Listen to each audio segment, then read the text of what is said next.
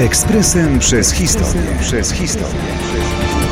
14 maja 1948 roku założono Centralną Szkołę Prawniczą w Warszawie. Był to kolejny smutny element powojennych porządków w Polsce. Nowe, zależne od Moskwy władze komunistyczne zabrały się za reformowanie niemal wszystkich dziedzin życia społecznego, nie omijając także wymiaru sprawiedliwości. Oczywiście chodziło o stworzenie nowej kadry podatnej na indoktrynację i polecenia z góry jak miało wyglądać kształcenie w Centralnej Szkole Prawniczej. Wiele mówiła już postać jej patrona od roku 1950, Teodora Duracza, zamęczonego przez gestapo adwokata, który jednak już przed wojną należał do partii komunistycznej, później do PPR, no i był także agentem radzieckiego wywiadu. Z racji nazwiska patrona szkołę potocznie zaczęto nazywać Duraczówką.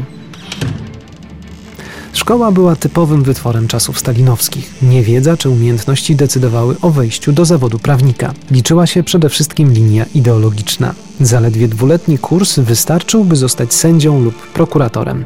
O doborze kandydatów decydowały lokalne komórki partyjne, związki zawodowe, ewentualnie organizacje społeczne. Teoretycznie wymogiem było przynajmniej wykształcenie licealne, ale uwaga, minister sprawiedliwości mógł zwolnić i z tego obowiązku, jeśli kandydat był wskazany pod kątem ideologicznym.